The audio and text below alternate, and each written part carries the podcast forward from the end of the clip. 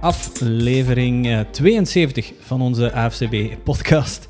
En uh, ja, we doen nog alles via Skype. En uh, een van onze podcasters is hier nog heel even een, een drankje serieus aan het downen. Eende, ja, Frans, jij was dat. Frans, wat was je daar aan het binnenkap? Want dat leek heel smakelijk. Lipton, Lipton Iced Tea. Het is, geen, uh, het is geen korte drank. Oké, okay, Jan, wat heb jij uh, van, van, van drank staan? Uh? Oeh, zeer droog. Het was rode wijn daar straks en nu zal het koffie worden straks. Een koffietje of twee net voor het slapen. Ah, voilà. Voor het slapen gaan, Jan. Een koffie. Ja, ja? De, de, de, de, de wijsheden zeggen toch van uh, een koffie voor ja, het slapen? Of, uh... weinig last van. Ah, voilà, kijk, dan ontkrijgen we dat ook in één keer. Koffie voor het slapen gaan, dat werkt, uh, dat werkt bij sommige mensen. Voilà. En ja, je ziet hem niet, maar hij zit hier in mijn ja, woonkamer. Dirk is er ook bij. Ja, hij zit niet in beeld, want anders gaan we hier twee Skype-verbindingen moeten, moeten trekken op mijn, op mijn wifi. En dat gaat, dat gaat niet gaan. En ik moet gewoon mijn ogen naar boven doen en dan gewoon zeggen, dag Dirk. Ja, goedenavond. dus, uh, ik denk dat het... Goh, hoe lang is het geleden dat, dat we hier nog een podcast hebben gedaan? Ja, daarom misschien, voor wie het niet zou weten, en ja, dat is misschien ook minder voetbal relevant, zou ik maar zeggen, maar Rijn verkoopt zijn appartement. Die gaat verhuizen naar Sint-Truiden. En, ching, ching. Ja, hoe lang is het dan geleden? Anderhalf jaar geleden zeker, in podcast 1. dan zaten wij, ik, Rijn en, en er was Frans er ook aan de andere kant bij. Dus dan, het is misschien nog één keer voor all time sake van hieruit. Ja. Nog steeds in covid-tijd, dus 72 afleveringen later zitten we nog steeds met die miserie. Maar... we, we, komen er wel door, we komen er wel door. Goed, uh, ja, dan zijn we met vier. Dat is, een, dat is een allereerste keer dat we dat doen. Dus Frans, jouw tijd 60. Hmm, ik weet het niet. het blijft een mikpunt. Geen probleem. Goed, uh, we, gaan, we gaan deze keer dus niet met NFL beginnen, maar um, met een muziekfragment. Oké, okay, met een muziekfragment wil ik het eerste stukje aankondigen. En dat is, oké, okay, de kwaliteit is niet je van het, maar het, het, het, nummer bestaat volgens mij ook al redelijk lang, denk ik. Dus uh, als jullie aan het luisteren zijn, ja, jullie zijn aan het luisteren, en, en je herkent het, uh, chapeau. En hier komt hij.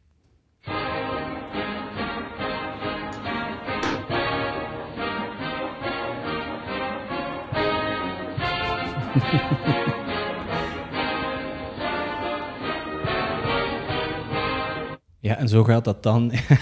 Kijk, Frans, ja, zo gaat dat dan minuten aan een stuk door in een stadion. Hè. Ja, de, Dirk, van, van, van wat was dit? Uh, de, de fight song. De fight song, ja. Elke school in Amerika heeft een fight song, high school of, uh, of college. En dit was de fight song van, van Michigan, de Michigan Wolverines. Mm -hmm. Hail to the victors, of kortweg de victors. En dat is een liedje dat zit nu al sinds zaterdag onafgebroken in mijn kop. Ja. Uh, ja, extra informatie. Het is van 1898, dus, dus dat wel een, misschien dat het fragment ook effectief zo oud is. Ja, het leek wel of dat het in 1898 was opgenomen, ja.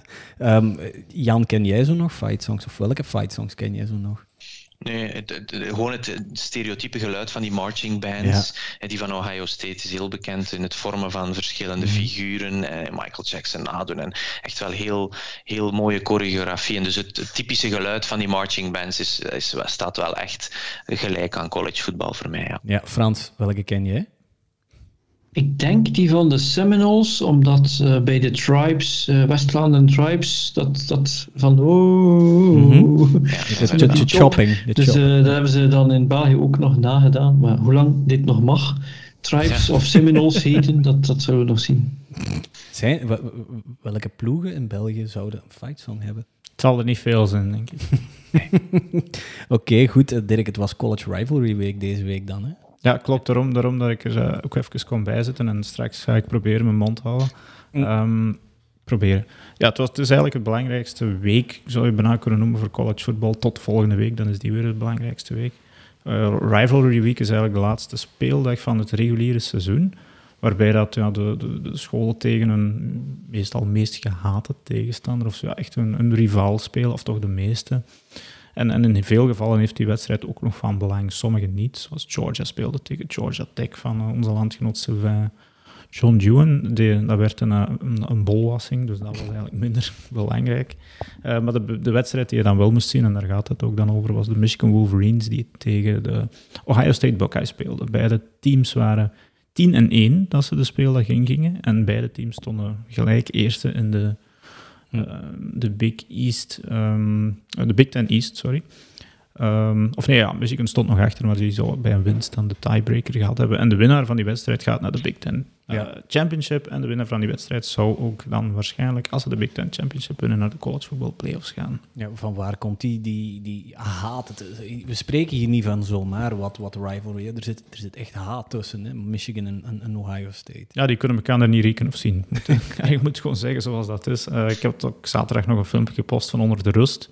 Eh, tussen die twee wedstrijden. En die, die teams gingen elkaar dan bijna, ja, niet op de vuist, maar toch eh, in, de, in, de- in de, de, de coulissen van, van het stadion. Hmm. Ehm, nee, dat, dat gaat al, al, al meer dan 100 jaar terug volgens mij, die, die rivalry. Dus ja, ik, ik kan mij niet direct een, een andere sports rivalry verzinnen in de States. Misschien dat Jan er iets anders over kan zeggen Hm. die feller is. Dus, eh, Yankees, Red Sox in baseball. Ja, oké, dat is... Ja, Dat is al bijvoorbeeld al. Maar dat is, ik denk dat dat wel, wat je daar zegt, eh, is wel correct. Die haat vind je in NFL ook wel, maar die is meer opgepompt, omdat die spelers, ja, dat zijn professionals, die kunnen plots naar een andere ploeg getraind worden, die ze zogezegd moesten haten. Sommigen zetten wel embargo's naar wie ze wel of niet willen, maar in zo'n school wordt die haat er wel echt ingepompt. En je bent dan een jonge speler, je komt dan op zo'n college en dan wordt dan duidelijk gemaakt dat dat de vijand is, want die spelers hebben niet altijd affiniteit met Ohio of Michigan, die komen van over heel het land, maar die haat die wordt er wel goed ingepompt. Enfin, die haat of om die wedstrijd dan echt heel speciaal aan te pakken. Terwijl als die dan een, dan zie je dat heel typisch als ze dan in de NFL komen, dan kunnen die wel door dezelfde deur heel vaak. Ja. Dirk, hoe, hoe manifesteert zich die dan, die, die haat, quote-unquote, tussen, bij supporters ook bijvoorbeeld? ja, je moet maar eens Twitter checken in de week voor zo'n wedstrijd. En dan, dan vliegen de virtuele middenvingers in het rond. Ja. Ik, ik zeg het, die kunnen elkaar er echt niet, niet, niet rekenen of zien. Ik ken geen twee scholen bij wie dat, dat zo is. Er valt echt geen vriendelijk woord te rapen. Zelfs een, ik, ik zeg nu, ja, een van de twee ploegen verloren en dat was Ohio State. Eh, spoiler alert. Als dan een, een supporter van Ohio State eh, na de match zei, oké, ja, fair game, the best team won, kreeg hij nog verwensingen als een kop. ja. Ja. Ja. nu moet je ook niet afkomen.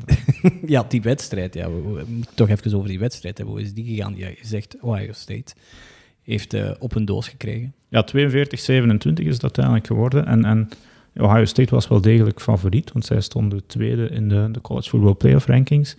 Maar zij, en ik had het ook al in het stukje vorige week geschreven, zij, ja, zij live and die meestal door de passing game van quarterback CJ Stroud. En dan die drie geweldige wide receivers, ehm, waarvan er twee naar de NFL volgend jaar kunnen gaan. En ik zette de wedstrijd zaterdag om 6 uur op en ik zag sneeuw. In, in- in de Big House daar in, in Michigan, dus ja, nog eens 107.000 man. Dus Michigan speelde thuis en, en ja, Ach, COVID. Ja. ja oké, dat ook nog eens, maar ik, dus ze hebben wel een goede running back ook eh, bij Ohio State met, ehm, met Henderson. Maar ja, die wide receivers en, en Stroud kwam er dan eigenlijk veel minder aan te pas. Ze konden hun, hun typische eh, ja, throwing game niet echt spelen. En, en Michigan is dan weer wel sterk aan de run met, met Hassan, Henk, eh, wacht, Hassan Haskins. Hassan Haskins. Eh, Familie van? Nee. Oké. Die- Ja, Gelukkig. ja, want, eh, Dwayne Haskins speelde voor Ohio State, dus ik denk niet dat dat in de familie Hmm. goed gepasseerd zou zijn. Ehm, dan ja, met die running game, vijf, vijf touchdowns van die Hassan Haskins, is Michigan ja, in, in zo'n snow game, of toch een lichte snow game, er wel goed doorgekomen. En, en Ohio State was de hele tijd achter de feiten aan het aanlopen en is eigenlijk nooit teruggekomen. Mhm. En ja, zeven- eh, 42-27, en dus een, big- een grote upset voor het eerst, denk ik, in tien jaar dat eh, Michigan nog eens kan winnen Ja. van Ohio State. Dus binnen negen maanden denk ik dat er redelijk wat eh, Ja, baby's in Michigan geboren zullen worden. Misschien met de naam Hassan, ik weet het niet. het was, een, het was een leuk weekend voor de Harbaugh-broertjes, hè, want die hebben, die hebben Ohio toch, al heeft toch twee ploegen van Ohio gewoon over de knie gelegd. En eh, Ah ja, juist. hoe, hoe, hoe lang is die Harbaugh nu al? Ja, welke, welke is het? Jim. Jim Harbaugh. Jim is- Harbaugh is coach eh, bij, bij, bij Michigan en die, die is dat al, al, een, al een hele tijd. En, Ja. en die heeft eigenlijk elke grote wedstrijd tot nu toe verloren in zijn carrière. Hij won quasi niks. Eh, Ook, ja, had nog nooit tegen Ohio State gewonnen. Hij is al van 2015 coach. Hm. En het is nu eigenlijk de eerste keer dat hij, ehm, dat hij, dat hij die grote wedstrijd wint. Eh, ik, ik was al direct aan het denken, ja, die krijgt nu een contractverlenging, want eigenlijk zat hij wel een beetje op de, op de schop. Maar Ja. ik denk, denk niet dat je die mag, kan of mag ontslagen na zo'n zo'n winst. Ja, Frans, weet jij, hoe, hoe lang, de Harbaugh-broertjes, hoe lang, hoe lang coachen die eigenlijk al? Want ja, de ene zit nog in de NFL Jim, die zat in de NFL en die is dan naar Michigan gegaan. Hoe lang zit dat bloed al in, in, in voetbal? Die coachen al heel lang. Uh, hun vader was ook uh, headcoach in Western Kentucky University. Uh, de Hilltoppers. Een tijdje geleden hoor. John Harbaugh die was special teams coördinator lang en is dan uiteindelijk headcoach geworden. Dat is zelden dat een special teams coördinator dat wordt. Maar de Jim Harbaugh is wel iets speciaals, omdat ik hem eigenlijk in zijn carrière wel goed vond als quarterback. Uh, was gedraafd door de Bears. Dat is dan afgelopen na een jaar of vijf, maar had dan een soort resurgence bij de Colts uh, een jaar of drie, 94 tot 97. En als ik zeg dat die man uh, een record heeft in de NFL regular season 44, 19 en 1, hmm. Dat is niet slecht. Hij heeft ook uh, vijf uh, postseason gewonnen. Maar het interessante weetje aan hem, en ik weet niet als ik dit ooit hier heb verteld, dat is dat hij na zijn spelerscarrière was hij quarterbackscoach bij de Raiders in 2002 en 2003. En dan eigenlijk, omdat hij richting headcoach wou, gaan, heeft hij echt wel een stap achteruit genomen en is hij headcoach geworden van de uh, University of San Diego. Dus niet San Diego State, hmm. University of San Diego. En uh, daar is hij kampioen geworden voordat hij dan headcoach geworden is bij Stanford. Om dan te belanden bij San Francisco, ook een raar verhaal. Is dat maar vier jaar geweest is drie keer in de playoffs, één keer in de Super Bowl. En eh, op een of andere manier is het een tamelijk uh, antagonistische kerel. Uh, het is you love him or you hate him. maar het, het, ja, het speciale weetje voor mij is, toen hij headcoach was van de San Diego Toreros. ik ging af en toe naar Amerika. Als ik soms meeging naar congressen die mijn vrouw deed, of als ik zelf daar moest zijn. En dan spendeer ik gewoon uh, ik contacteerde iemand en ik zei: Ik ben hier, ik ben een headcoach van de National Champion in Belgium. Kan ik eens naar de practice komen? En ik had een kerel tegengekomen die assistent was bij hem. En die zei: Ja, kom maar af. En ik kwam naar die training en uh, ik, ik zei: Hey, uh, ik heb je gisteren gezien. want ik, ik, wandelde gewoon op die universiteit en vroeg dat. Hè. En die, die kerel zei: Ja, ja. En ik zat in de stands te kijken naar die practice, een beetje te noteren en zo. En plotseling. Jim Harbaugh neemt al die spelers samen en is aan het toespreken en die kerel heeft naar mij zo van kom eens. Ik denk, ja shit, ik ga hem ontmoeten nu. En dan kom ik uh, daarbij staan en dan zegt hij, yes, this is uh, coach Harvey from Belgium. Harvey. He's the head coach of the national champion in Belgium. And uh, I wanted I wanted him to talk to you guys with the, the championship game coming up. En ik zo gewoon? In, vijf, seconden denken van, what the hell moet ik hier nu zeggen tegen... Ja, wat heb je gezegd? Iets lager van college. Ja, geen idee. ik heb, hij weet dat ik uh, me er wel kan uitslaan. Maar dan heb ik gepraat met hem. En, uh, Wie is er hier zeggen, muziekjes uh, aan het opzetten? Sorry? Iemand, is, iemand heeft hier dus op de achtergrond Dirk? Dat was ik, sorry. Oké, doe maar verder. Uh, Frans Dirk Wat je wel ziet is, uh, en eigenlijk, eigenlijk kan, kan het gewoon niet, om, omdat je ook ja, je hebt werk en uh, gezin en kinderen, maar die coaching community, als je daar binnen geraakt, dan gaat dat eigenlijk tamelijk snel. En we spraken tegen elkaar en het was gewoon van, ja, uh, blijf hier in Amerika en heb je een opportunity nodig. En, uh, want ik heb zelfs, uh, ooit is gewoon een vriend van mij die zijn zoon in high school speelde. En ik kwam daar en ik heb daar heel de week de practice gevolgd. Ze hebben mij een, uh, een sweater aangedaan. Ze hebben mij uh, assistent coach gemaakt in high school. Clipboard, hier, dan, doe maar. Daar, stond, ja, daar stonden ze achter aan de halftime. En ik had gezien dat ze eigenlijk moesten een, eh, een, een, een, up, een out en up doen en dan zou het wel lukken. Dan hebben ze gescoord op een play van mij. Dus eigenlijk, ja, je kunt eigenlijk, ja, vanaf dat je een coach bent, is er vlug, ja, wordt er vlug gepraat en, en je zou vlug een kans krijgen dan dat je bewezen. Maar ik heb dus tegen Jim Harbaugh gesproken. Ah, maar kijk. Ja. Starstruck. Starstruck, inderdaad. Terecht. mooie anekdote daar. Um, ja, Jan, jij moet misschien als ref ook eens uh, de plas oversteken en uh, gewoon gaat je, je zebra... Zo, als je inderdaad, als je zegt, uh, als je naar die associations die vaak zo per provincie of deel van de staat zijn georganiseerd, als je die gewoon aanschrijft, heb je absoluut, dan krijg je absoluut een kans. soms vragen ze een referentie of zo om te zien dat ze niet echt welke rommel dat ze binnenhalen vanuit België, want ik ben geen national champion coach of whatever. Maar absoluut, die kansen zijn er als je dat zou willen. Dat kan zeker op, zeker op Thursday Night Football, zo'n high school game. en je hebt de positie, dan, is er wel, dan zou je dat kunnen doen. Dat moet een ongelooflijke ervaring zijn. Ja. jij hebt ook de, de Belgian Bowl Jan, Jan, je bent toch wel eens Whitecup geweest in een Belgian Bowl? Ja, twee maal. Ja. Ah, dus dat wil, dat wil zeggen dat jij de Belgische Super Bowl hebt geleid. Dus ja, dat is toch al een referentie. Waar is die ring? Waar is, ik zal die ring moeten meenemen. Kijk eens aan, we're going places hier hè, met die podcast. Oké, eh, even terug naar college, want we zijn precies wel een beetje afgeweken. Hè. Het is uh, Championship Week, Dirk. Ja, ja, ja. Waar, uh, naar welke games moeten we uitkijken? Ja, er zijn, ja de, de, de blikvanger, dan weer de belangrijkste wedstrijd van het jaar na die van vorig weekend. is Alabama, de Crimson Tide tegen de Georgia Bulldogs. Dat is de nummer ja, we zitten nu dinsdagavond, de nieuwe rankings komen dinsdagnacht uit. Dus normaal gezien staat Georgia nog op één en zal Alabama, gok ik, naar twee of misschien op drie blijven staan. Uh, dus dat is ja, een, een topaffiche en de winnaar ervan zit sowieso in de playoffs. Uh, en als Georgia de verliezer is ook. Uh, en als Alabama wint, dan zij wel. Als ze verliezen, hoop ik dat ze eruit liggen uit die top 4. want ze hebben dit weekend, en dan moet ik dan misschien even terugspringen, weer al voor de derde week op rij zeer nipt, maar gewonnen. In, in was het triple of, of vier dubbel overtime? Vier tegen, tegen Auburn. Die dan eigenlijk nog eens een, een, bonehead play gedaan hebben, ergens anderhalf minuut voor tijd dat een running back uh, out of bounds loopt, terwijl ze nog voorstaan in plaats van binnen te vallen. En dan uh, spaart Alabama 40 seconden. En ze, ze scoren uiteindelijk nog een touchdown, denk ik, met, met 35 seconden voor het einde. Om gelijk te komen. Dus ja, weer een ontsnapping eigenlijk. En ik hoop dat de, de stemmers van de committee nu stilletjes wel beginnen inzien dat die Alabama defense, en, en ik zal nu zeggen geen gatenkaas is, maar tegen Georgia zullen ze toch volgens mij veel tekort komen. Dus dat is een wedstrijd waar je heel erg naar uitkijkt. En dan zijn ja, buiten Michigan dan, die tegen uh, de Iowa Hawkeyes moeten spelen in de Big Ten Championship. Wat dat lijkt een gimme te zijn, maar ja, Iowa is ook wel 9 en 2. Dus ja, het zou wel eens... Uh, ja, het zou weer typisch Michigan zijn om dit dan weer te verliezen.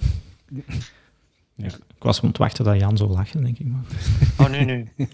Geen commentaar. ja, nee, want dan, dan zou geen een van de Big Ten teams volgens mij erin zitten, want Iowa zou dan volgens mij niet goed genoeg zijn om erin te komen. Dan zou Notre Dame er misschien nog in komen, die geen championship game spelen. Uh, Oklahoma State, de Cowboys, die moeten tegen Baylor spelen in de Big 12 championship game. Als ze die winnen en er valt één iemand uit de top 4, denk ik dat zij erin springen. Mhm. Ehm, dus ja, er is nog veel voor te spelen. En dan de Cincinnati Bearcats, waar we het al dikwijls over gehad hebben.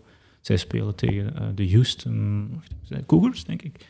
Um, hmm, Cougars. In de Conference USA Championship game is het? Of in de American? Zwat, ik ben even vergeten. Google it. Um, zou kunnen doen, maar ik zou het eigenlijk van buiten moeten weten. Uh, nee, als zij daar, daar winnen, dan zitten zij volgens mij ook in de playoffs. En zou het voor de eerste keer door een kleine school zijn uit de Group of Five die in de playoffs geraakt. En dan dan hoop ik dat ze iets, iets, ja, iets gedaan krijgen eigenlijk. Alright. Kijk eens aan, uh, die, die Alabama-Georgia, wanneer, wanneer wordt die gespeeld? Uh, nu zaterdag, is het om zes uur al, uh, of is het later? Het is om tien uur s'avonds op CBS. dus eigenlijk ja, voor mij een perfect uur, want ik heb nu toch al een paar zombieavonden, zaterdagavond en dan nog zondag proberen mee te pakken. Mm. achter de rug die weekends, tien uur s s'avonds perfect eigenlijk om, om, om in te schakelen. Hopelijk ergens voor de ja, voor de Belgen ergens op YouTube te vinden, anders uh, via iets minder legale manieren ook wel te vinden, denk ik. Um, Zal wel. Ja, ik kan in ieder geval al gaan opwarmen om zes uur s'avonds met Baylor tegen Oklahoma State. En uh, ik denk als je dan echt het laat wilt trekken, twee uur s'nachts Michigan tegen Iowa. Dan, ja, dan ben je tot vier, vijf uur bezig. Kijk, kijk. En wat, wat, uh, wat, Dirk, wat is volgens jou uh, de beste matchup van de halve finale? Hij zegt, dat zou ik wel willen zien. Goh, um, ja, hetgeen dat ik eigenlijk niet zou willen zien is Georgia tegen Cincinnati. Want die hebben vorig jaar al gespeeld en dat was een heel nipte wedstrijd. Maar um, ik, ja, ik zou, ja, de nummer 2 tegen 3 zou heel interessant zijn dat, om dan Cincinnati tegen, tegen Michigan te zien spelen. Dat zou ik heel leuk vinden. Um, om eens te zien wie dat, wie dat daar... Uh, ja, als, als Cincinnati zo'n zo'n topteam echt eens kan kloppen, dan, dan krijg je die kleine school misschien eindelijk eens erkenning. En ze zijn bezig met een uitbreiding, of toch aan het praten weer om de playoffs wat uit te breiden naar acht of twaalf teams. Dan zouden ze misschien kunnen zien, want ja, eigenlijk hebben die ploegen wel een plaats en, ja, ze verdienen dat wel. Mhm. Dus um, dat zou voor mij een interessante matchup zijn. Degene die dat tegen Georgia speelt, gaat verliezen. Dus dat, die, die match wil ik eigenlijk niet zien. Ah, ja, die wil die wel zien, maar volgens mij gaat het dan niet zo een, een leuke wedstrijd zijn. Alright. En in college football is er een, uh, ja, we spreken van monstercontracten in de NFL, maar Het contract dat we in, uh, in college football van, voor, uh, voor Lincoln Riley uh, hebben gezien, ik, ik, ik denk dat er nog altijd stukken van mijn kaak op de grond liggen hier ergens. Want Dirk, noem, noem de, de, de cijfers nog eens op. Lincoln Riley, het contract, volgens mij was het 110 miljoen dollar. Verhuisd van ja. naar... Ja, ja, juist, juist, Lincoln Riley, de coach van de Oklahoma Sooners, die, die verhuist van, um, ja, van Oklahoma naar de USC Trojans. Eigenlijk een, een goede move al.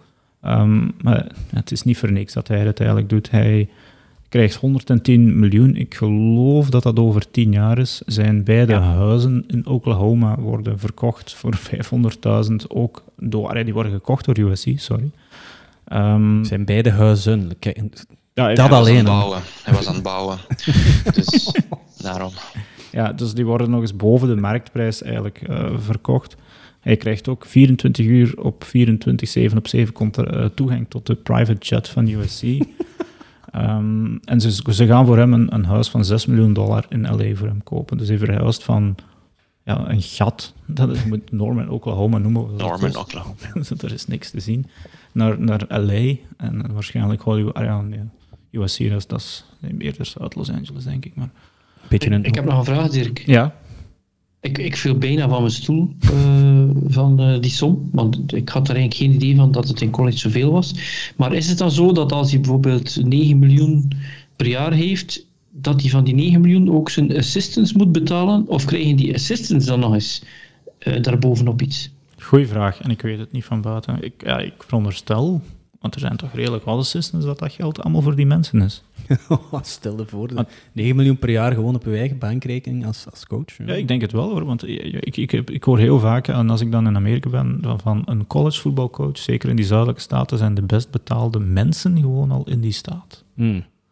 Uh, en dat, zeker je mag niet vergeten dat dat eigenlijk, uh, als het een privé-universiteit is, ja, maar als het een staatsuniversiteit is, dan betaalt eigenlijk de belastingbetaler voor een ja, headcoach van een voetbalteam en een universiteit. Ik moet mij verbeteren, het zijn de best betaalde public servants van die staat. Dus mm ik weet in Arkansas is dat dan zo, en ja, dat is geen topcoach, maar ja, in, in, LA zal dat misschien wel zo zijn. Maar ja, even nog een paar andere cijfers. Um, James Franklin van Penn State die krijgt ook 85 miljoen 10 jaar. Jimbo Fisher, Texas A&M, 95 miljoen 10 jaar. Nick Saban, 10,6 miljoen per jaar gedurende acht jaar.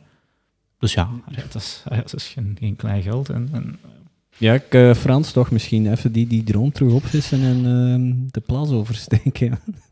Ja. Wanneer het pensioen uh, eraan komt misschien, uh, toch een paar jaartjes.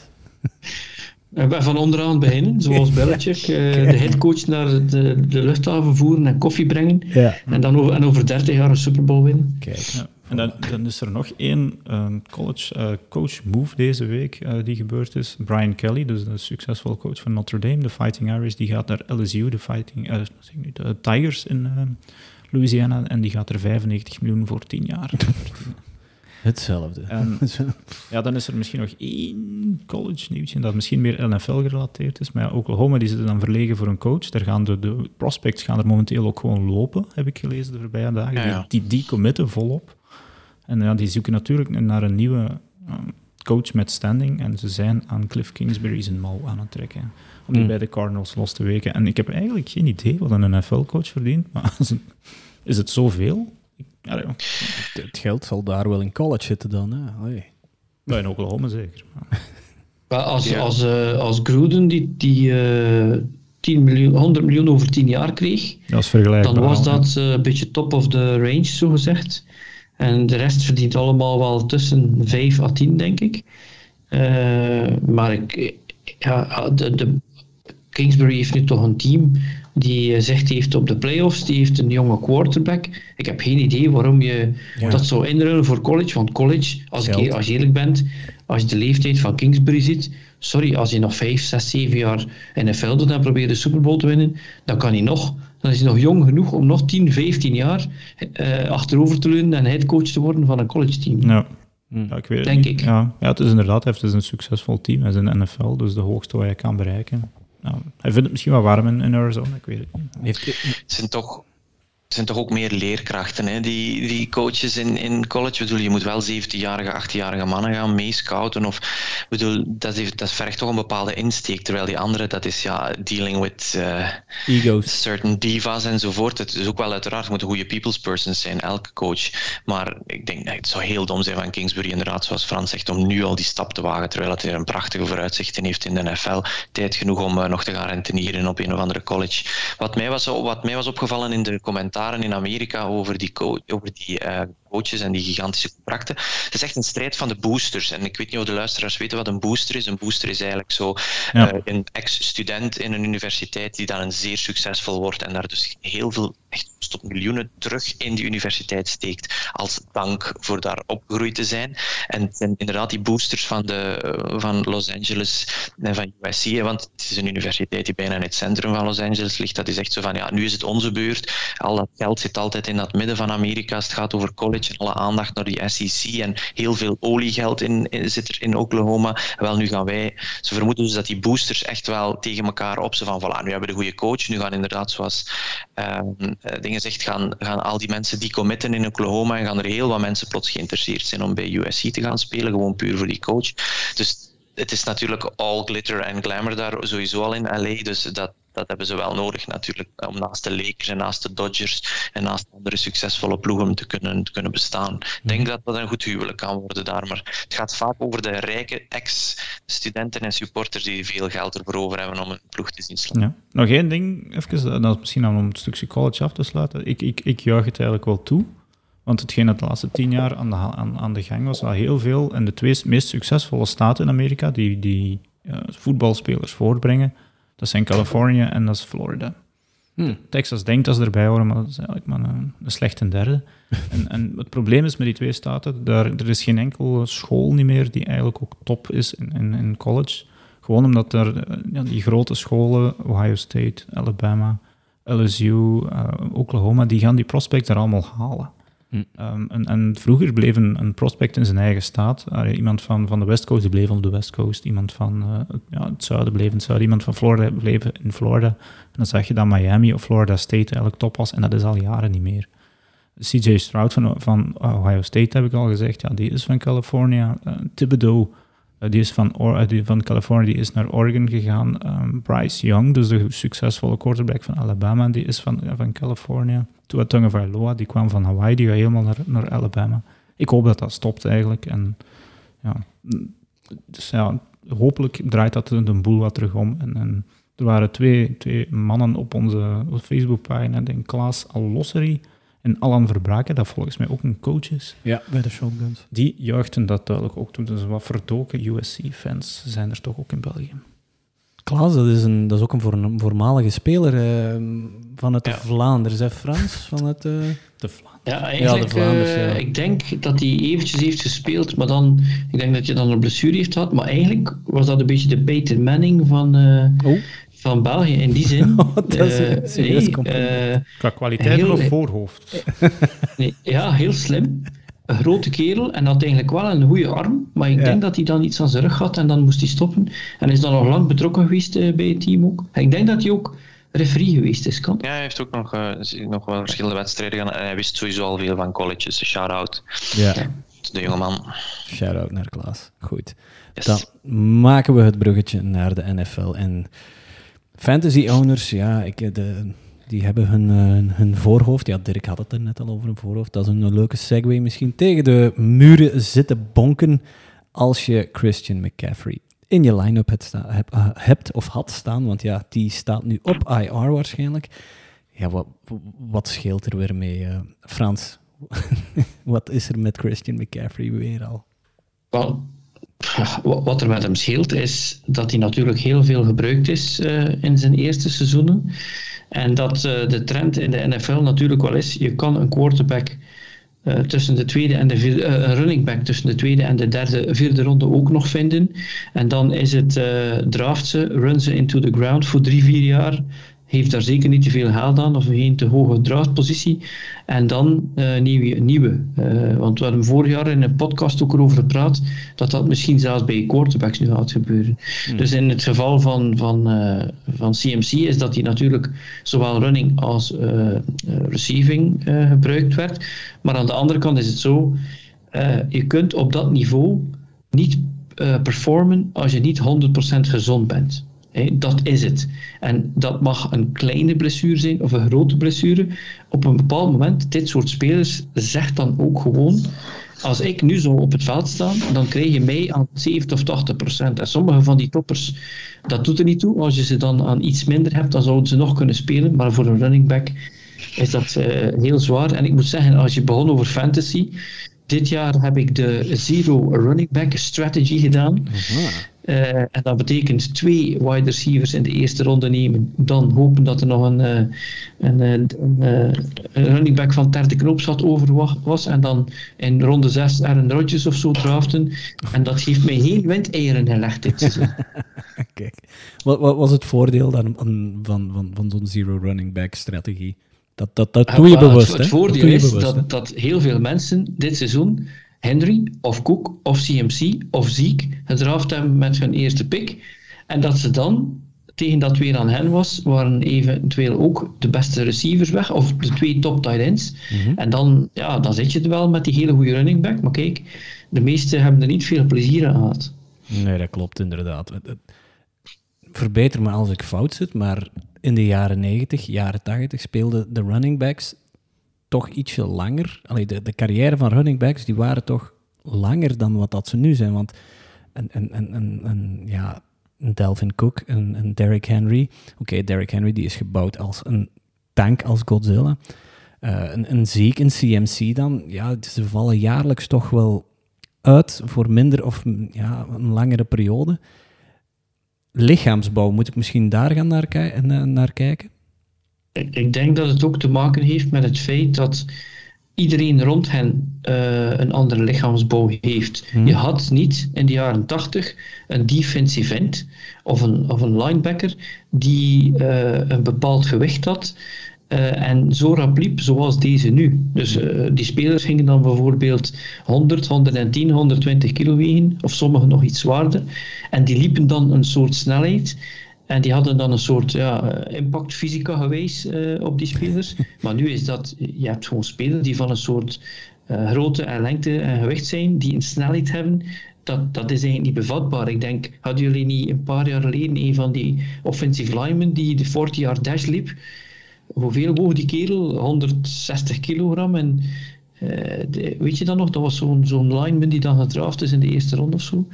En daar gaat het ook wel over. Die gasten zijn allemaal. Want je hebt ook heel veel blessures bij die uh, defensive linemen en linebackers, omdat die uh, heel hun lichaam kan dat ook soms niet aan, dat ze zo snel zijn en zoveel wegen. Hmm. Maar die running backs die moeten wel constant tegenlopen tegen die kerels die zoveel impact maken. Ik denk dat het daar aan ligt. Ik denk dat een, een Walter Payton en een Emmett Smith, ja. dat die vroeger ook tegen mensen speelden die gewoon 20 kilo spieren minder hadden en minder vlug liepen. Vandaar dat misschien iets, iets langere carrière had. Ja, oké. Ja, die, die line, was dat die niet van, uh, van de Jets? Mackay Becton? Mackay Becton. Ja, ja of die van de, ehm, van de Browns. Die was ook redelijk snel. Maar Mackay Becton, eh, dat was volgens mij degene die er uit zwembad kon springen. Oké. Goed, ja. Um, McCaffrey, ja. Het, het, vierde seizoen. Vierde seizoen, geloof ik. Uh, twee, 2000 seizoenen gehad. En, en hoe moet het daar nu mee verder? Ja, moet je die als een running back houden? Of, of op welke posities zou je nog een, een McCaffrey kunnen uitspelen, Jan? Oh, ik vind niet dat. Allee, het is natuurlijk moeilijk, hè, want ze hebben er nu ook andere problemen in Carolina dan alleen mm. uh, McCaffrey. Hè. We hebben de, twee weken geleden de grote intocht van Cam Newton en dat blijkt nu al stilaan misschien een uittocht te worden. dus ja, die, die positie is ook, niet, uh, is, is ook niet onbesproken en daar moet ook nog wel wat geld uh, gejongleerd worden. Dus in hoeverre Ik weet niet zeker hoeveel dat McCaffrey nog op zijn contract staan heeft, maar die zomaar opgeven, ja, hij is toch wel een hypergetalenteerd iemand die nog wel serieus wat in de tank heeft, voor eventueel short downs, uh, distances enzovoort. Creativiteit om dan, als iedereen denkt de run, toch nog uh, te splitten en dan eventueel een, een, pas te ontvangen. Dus zeker wel nog uh, heel, heel bruikbaar, groot talent, mm -hmm. maar ja, het spreekt niet in je voordeel als je inderdaad zo vaak geblesseerd bent, ook al kan je daar echt niks aan doen en word je dan ook afgebrand op allerlei mogelijke manieren als een zwakkeling. Terwijl als je dan inderdaad, zoals Frans zegt, ziet welke G-krachten er op jou ingaan, tenzij dat je AJ Dillon bent. Dan deel jij die G-krachten uit aan de ander, in dat geval. Uh, maar inderdaad, wat die mannen van een pounding moeten nemen elke keer, zeker als je door de middel altijd gaat, ja, dat is, uh, ja. Dat is niet, niet humaan. Ja, wel, Ik kan nu al iets voorspellen, Rijn. De volgende is Austin Eckler. Je okay. moet gewoon maar eens een wedstrijd bekijken. Gemonteerd. Hoe groot Austin Eckler maar is. Nu, hij is een van de beste atleten van de, de Chargers. Want hij was die man die in de Hard Knocks van op, uh, over zo'n dingen sprong, ook al is hij heel klein. Maar uh, uh, de, de, de hits die die kerel krijgt in een wedstrijd, terwijl hij zo klein is, dat is, hm. dat is er een die zit er zo aan te komen dat hij dit seizoen of volgend seizoen dat ook eens zijn, zijn beurt zal zijn. Wat, wat moet er eigenlijk dan veranderen om, om, om die top running backs jaar na jaar te zien uitvallen eigenlijk? Moet er... er... moet niks veranderen. Nee. Je gaat zien, uh, ze doen de 17 wedstrijden in plaats van 16. Er gaat niks veranderen. Wat er gaat waarschijnlijk blijven, is dat de tactiek van teams gaat zijn: wij gaan heen running back een contract geven van 5 jaar, 160 miljoen dollar. Mhm. Dat zal er gebeuren. Running backs die kunnen daar boos om zijn dat ze niet worden zo gerespecteerd. Maar ja, natuurlijk, zo iemand die zo'n double threat, dual threat is, zoals uh, eh, CMC, ja, dat kun je misschien wel koesteren en toch wel proberen wat geld te geven. Maar het kan, het snel gedaan zijn. Je mag ook niet vergeten, gemiddelde carrière in de NFL is drie tot vier jaar. En dan zou ik vermoeden dat de running backs daar waarschijnlijk veel bij zijn. Want kijk eens hoe vlug het gegaan is met Le'Veon Bell, uh, met uh, Freeman, met uh, allemaal gasten die dan ja. via de achterdeur wel weer terugkomen. Tot Gurley. Maar, ja, tot Gurley. die Melvin Gordon. Melvin Gordon, ja. Mm -hmm. Ja, dat waren toppers één, twee jaar en dan gedaan. Ja. Misschien even tussen. Voor de teams is het volgens mij slimmer en dat is dan minder goed voor ons fantasy-spelers en beter voor die zero-running back-strategie, dat ze beter een running back committee eigenlijk inzetten in plaats van die bell cow back dat ze nu doen. En nu in het Nederland? Een back, ja, dat is de, of de three-down back. Ja, diegene die elke down eigenlijk bijna gebruikt wordt. En, en exclusief zoals dat de, de Steelers eigenlijk nu met Najee Harris aan het doen zijn, die gewoon in de grond aan het lopen zijn eigenlijk. Elk, elk, ja, ze gebruiken die constant en dat, dan heeft gewoon tot gevolg dat na drie jaar is dat op. En ik denk dat je dan beter, zoals de, ja, bijvoorbeeld de, de, de, de, Rams doen en de, de 49ers doen dat normaal gezien heel goed. Uh, gewoon die, die, die, die, die carries wat splitten. Ook misschien de Packers uh, doen dat eigenlijk ook al een paar jaar. Vorig jaar met Williams en met Jones, dit jaar met Jones en met Dillon. Als er ene uitvalt, dat je zeker nog een andere hebt. Ik denk dat dat slimmer is dan, dan alles op die ene te zetten. En als hij dan uiteindelijk toch zijn, zijn poten of, of ja, zijn, zijn, ligamenten breekt, dat het dan niet gedaan is. Ik vind het een heel... Dirk, Dirk ja. een van de redenen dat die gasten natuurlijk zo interessant zijn, die three down backs, dat is uh, dat je anders al als uh, defensive coach een idee hebt wat er gaat gebeuren. Dus eerste tweede down staat die running back erop, derde down staat die running back erop, en dan weet je, ah, het zal een pass zijn. Terwijl met CMC wist je dan geen kanten. Je weet gewoon niet wat er gaat gebeuren. Ja. En dat is de reden waarom ze zo uh, waardevol zijn natuurlijk. Ja, maar wat, je weet dat toch als coaching van, ja kijk, die, die, die McCaffrey is een topspeler, maar als je hem praktisch elke down gaat gebruiken, zowel receiving als, als, als running, dan is het maar een kwestie van tijd voordat hij terug uh, tegen een blessure aanloopt. Welke, welke, of, of, hoeveel schuld treft een, een, een coachingstaf in, in zoiets? Het is heel moeilijk als coach als je, eh, ik heb ook nog gehad dat ik, ja, ik had spelers en dat was dan zeggen dat er van de 22 starters, dat er daar uh, bijvoorbeeld uh, 8 à 10 tussen zaten waarvan je weet, als die er niet op staan, dan kan het misschien wel verkeerd gaan. Mm. En dan durf je al eens iets door de vingers zien, of durf je hen wat meer pushen, of vragen, kun je het toch nog eens proberen, alleen omdat je weet, ja, en dat is waarschijnlijk hetzelfde met zo'n type spelers. Hè? Ja. Die headcoach wil ook zijn job houden. Ja, ja, één headcoach die uh, zijn job, die in de hot seat zit, zal ik maar zeggen. Die uh, mag vrezen voor zijn job. Dat is toch met Nagy bij de Bears. Uh, in waarschijnlijk... Nee, het is de lelijkste wedstrijd die ik ooit heb gezien, volgens mij, tegen de Lions vorige week. Um, Frans, jij gaat er niet mee akkoord, dat weet ik. Uh, of, of, iemand zei het, of, of, of Jan. Iemand genoot van deze wedstrijd, maar ik heb... Frans heeft die becommentarieerd, denk ik. Ja, ik heb die becommentarieerd, dus moet ik wel een beetje enthousiast doen op televisie natuurlijk. uh, maar ik, had, ik heb gewoon gezegd, wat ik altijd interessant vind, is dat een wedstrijd die wij presenteren, of die je naartoe kijkt, op, in zijn ja. geheel, dat je als nog twee minuten te gaan is, dat één van beiden nog kan winnen. En het is niet omdat het 13-14 is, nee. dat het geen mooie wedstrijd kan zijn, want defense kan ook mooi zijn. Ja, maar okay. laat ons maar zeggen dat, dat het eigenlijk ja, niet hoogstaand was. En ik had ook zo'n vermoeden we hadden vorige week gezegd, Nagy is er niet meer volgende week, want de geruchten zijn zo hoog, zo, zoveel, dat dat meestal betekent dat het ook bingo zal zijn. Maar op een of andere manier heeft die winst, uh, ze hebben misschien berekend dat de kans er nu nog in zit dat ze in de playoffs komen of zo, maar denk ik niet. Met de Cardinals en de Packers die eraan komen, ja, of, of de, de, Packers en de Vikings die er ook nog aankomen. Cardinals? Ja. Ah, ja, ook eerst de Cardinals, denk ik. ja, oké. Okay, um, ja, die, die, mag, uh, die mag misschien al op uh, LinkedIn beginnen kijken, denk ik. En met, nou, die, die kan dat toch niet volhouden. Als je, als je zo'n lelijk voetbal speelt tegen de Lions, god betert. En die Lions... Ook, wat, wat de, dat niet allemaal De fanbase van Chicago is ook, is ook steenhard natuurlijk. Ja. En een beetje zoals Philadelphia, maar een, een toontje lager. Uh, mm. Het was ook zo dat zij tijdens een wedstrijd van de zoon in high school ook massaal aan het scanderen waren aan Fire Nagy. Uh, dus ja, die hebben geen scrupules wat dat betreft. Uh, maar bon, het is ook geen succes natuurlijk. Hij heeft, ze hebben historisch weinig goede quarterbacks in Chicago. Nu, nu lijken ze met Justin Fields toch volgens mij persoonlijk wel iets struggled. Misschien veel gezegd, want er lijkt toch wel potentieel in te zitten, maar ik denk niet dat hij het gaat overleven om het mee waar te maken. Ja, als hij nog leeft tegen het einde van het seizoen. Andy Dalton wordt nu wel gebruikt, maar dat heeft waarschijnlijk wel te maken omdat uh, Justin Fields één keer te veel gewoon de zolde is ingeboord, want uh, ik hoop, hoe zou het met die jongen gaan nu? Um, weet er iemand of dat Dalton deze week nog zou starten? Ik vermoed van. Ik, ik vermoed van wel. Maar ook uh, niet vergeten van die, die match van de Lions. Hm? Dat ging helemaal anders uitgedraaid zijn als uh, DeAndre Swift niet was geblesseerd. Hè. De eerste ja. kwart zelfs, hè? Ja, ja, ja, want dat zag je onmiddellijk. Hè. Je zag, als hij wegviel, die andere running back probeerde wel nog. Die deed dat niet slecht, maar het is DeAndre Swift die het verschil maakt. Hè. Williams, Jamal Williams?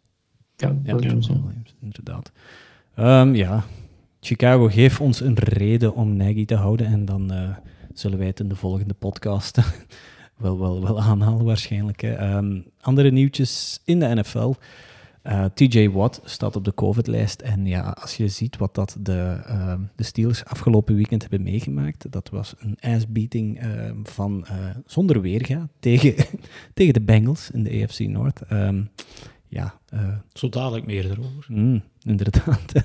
Mike McCarthy staat op de COVID-lijst. Um... Risicopatiënt. Sorry hoor. Nee, nee, nee, geen probleem. Wie, wie doet er eigenlijk de playcalling bij, bij, bij de Cowboys? Weet iemand dat? Dan Quinn? Denk. Ik weet het niet. Hmm. Op defense of op offense? Ja, op defense is Dan Quinn, maar de, degene, de, hij is toch ja. degene met headcoach ervaring, dus ik weet niet dat hij... Ja, de playcalling, ja, enfin, ik denk dat de headcoaching duty misschien wel eens naar, naar Dan Quinn zal kunnen gaan. Maar op offense is het die ex-quarterback, ik kan ja, niet op zijn naam komen, um, Kelly... Uh, allee, van Boise State, inderdaad. Kom aan, Dirk. Ja, ik ga eens checken. Korte naam volgens mij erachter. Dat is de meest ja. succes, een van de meest succesvolle quarterbacks uit college, want die heeft vier seizoenen gespeeld. Um, en, en volgens Op het blauwe mij... veld van Boise State, ja. Ja, ja lelijk. Um, ja. Kellen Moore, Kellen Moore. Voilà. Ja, ah, ja. Kellen Moore, Zonder op te zoeken. Hè. Klopt, klopt. Ik kan dat, dat kan ik bevestigen. um, bij de Packers, uh, de, het figuur Aaron Rodgers wordt, wordt met de week echt vreemder. Um, Jan, uh, onze ja, mede-Packers-fan zal ik maar zeggen, maar jij hebt toch net ietsje meer kennis van de Packers denk ik, dan, dan, dan wij twee hier. Um, ja, wat is er aan de hand met A-Rod? Want op den duur zat hij met zijn teen in, uh, in de camera. Ja. Dus ja, ik, ik, stel voor dat we Aaron Rodgers zoveel mogelijk negeren buiten het veld en genieten van zijn uh, pinpoint passes. Want ja, hij heeft zijn teen laten zien omdat er een reporter een verhaal had overgenomen van een krant dat dat een COVID-toe zou zijn. Dus een of, ander, uh, ja, een of andere zaak die je krijgt als je COVID hebt gekregen. Hij wou okay. bewijzen dat dat niet zo was, dat zijn teen gewoon gebroken is. Ik heb hem daarnet in McAfee, bij het McAfee Show gehoord. Uh, ze gaan geen operatie doen. Hij wil het graag gewoon laten genezen. Maar ah, die kerel die, zou, die heeft zoveel chips op zijn shoulder, wat betekent hè, zoveel de negatieve kritiek gebruiken om, om te excelleren. Die moet eigenlijk al onder de grond begraven zitten van de hoeveelheid chips ja, die op zijn shoulder kan. Dat je zo alles aantrekken. En er zijn veel mensen die het er nu ook wel op dat gebied mee gehad hebben, maar dat boeit ook niet, want het blijft. Ik heb weer passes gezien van hem die niemand anders kan maken. Maar ja, het was weer, het was weer een rare uh, met, die, met die toe. Maar oké, hij heeft daarbij wel dan kunnen aantonen dat die teen echt gebroken is, dat dat pijnlijk is, wat ik ja. wel wil aan. Ja, ja oké, okay, goed. En uh, de quarterback van de, uh, van de New Orleans Saints, Taysom Hill, die begint uh, first team reps te krijgen.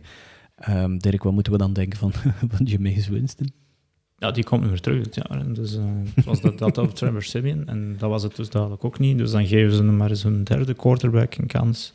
Ja, met dat monstercontract toch, hè? Ja, een bizar contract dat hij gekregen heeft. contract, vind ik. Maar ik weet niet, misschien dat ze ook denken dat ze toch nog kans om de playoffs uh, hebben. Ze staan nu 5 en 6. Um, in principe kan het nog. Wie weet kan Taysom Hill dan wel die spark geven. Ze hebben toch geen wide receivers, dus dan maar lopen met de bal.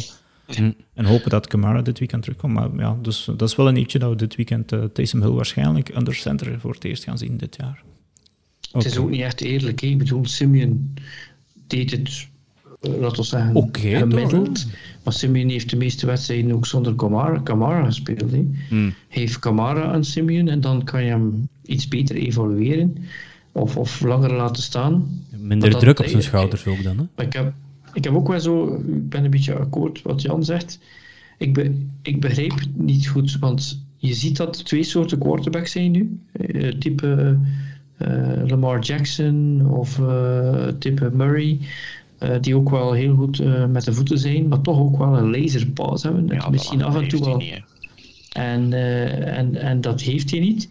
En dan aan de andere kant heb je dan eigenlijk ja, weer back to the future, een beetje een soort pocket pocket passer type, die Mac Jones nu bijvoorbeeld is. En, en Taysom Hill is geen van beide. En als je maar half goed bent in één iets, dan ben je niet goed in, niks. Zo simpel is het. Ja, ja inderdaad. Eens even kijken. Hè. Goed, uh, we hebben het daar net al heel even over gehad, over de Steelers en de Bengals. De AFC North, ja, die ligt, die ligt gans open. Open, ja. Maar de Steelers... Um, ja, de, die zijn een beetje aan het wegzakken en Big Ben begint toch wel... Het begint toch op een slechte grap te lijken ook, hè, wat dat hij allemaal aan het uitspoken is, Dirk. Ja, het is het jaar te veel, denk ik. dus dat, dat, is heel duidelijk. En, en ja. uh, het feit nu ook dat ze Najee Harris daar de grond in aan het lopen zijn en ik hoor dat ze dan misschien terug naar Benny Snell gaan grijpen dit weekend, is misschien een teken dat ze de witte vlag uh, gaan, gaan, mm gaan bovenhalen en zeggen, oké, okay, ik denk niet dat het voor ons zal zijn dit jaar. Ja. En, en dat ze dan maar Big Ben een, een graceful exit geven door, hem niet uh, in het seizoen ergens nog te benchen of zo.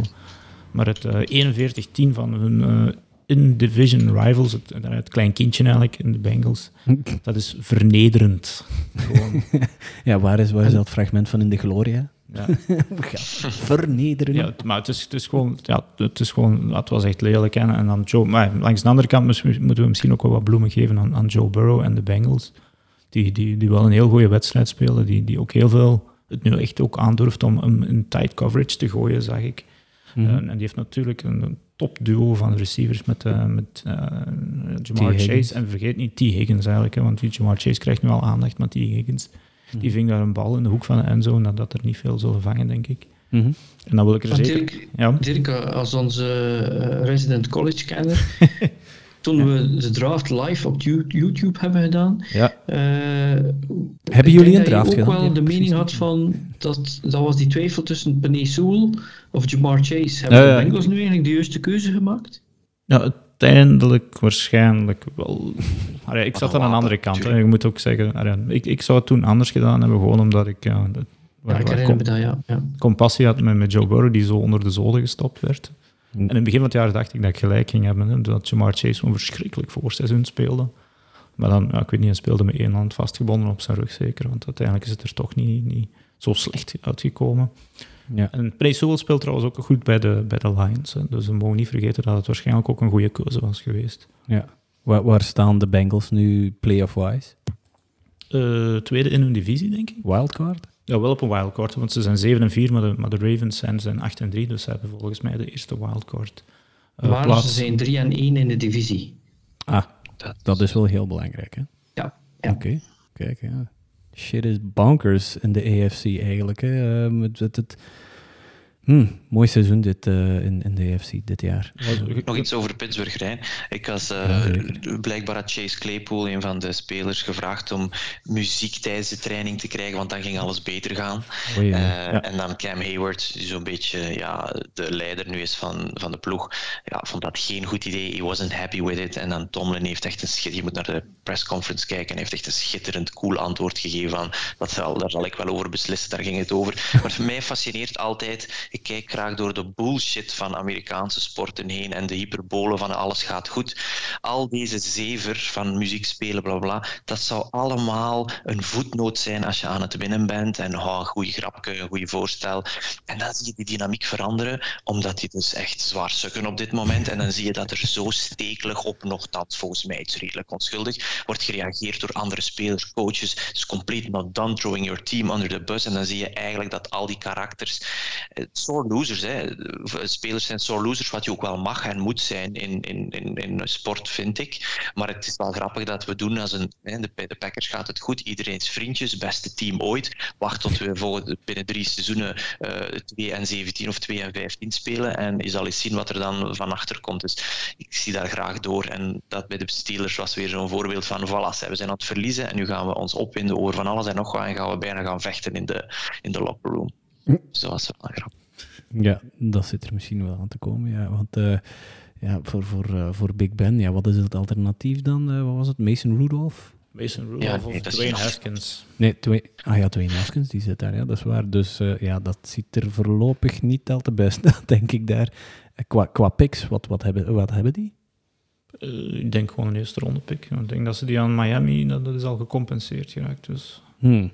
oké. Ik heb al eens gehoord dat het heel simpel is om te onthouden hoe het met picks zit. Ik denk dat de Jets, de Giants en de, de Eagles New York, eh, New elk York. twee picks hebben in de eerste tien. Dus Ja, dat, dat moet je onthouden. En de rest is dan wie eindigt nu de laatste. Die zal misschien de eerste pick hebben, maar voor de rest... eh, We, een Steelers van, dat, die hebben we nog niet in de, in de podcast gehad. Hè? Nou, die zijn er wel. zo. Ja, voilà, kijk, dus een Zeker. oproep aan, eh, aan Iconische Steelers-fans.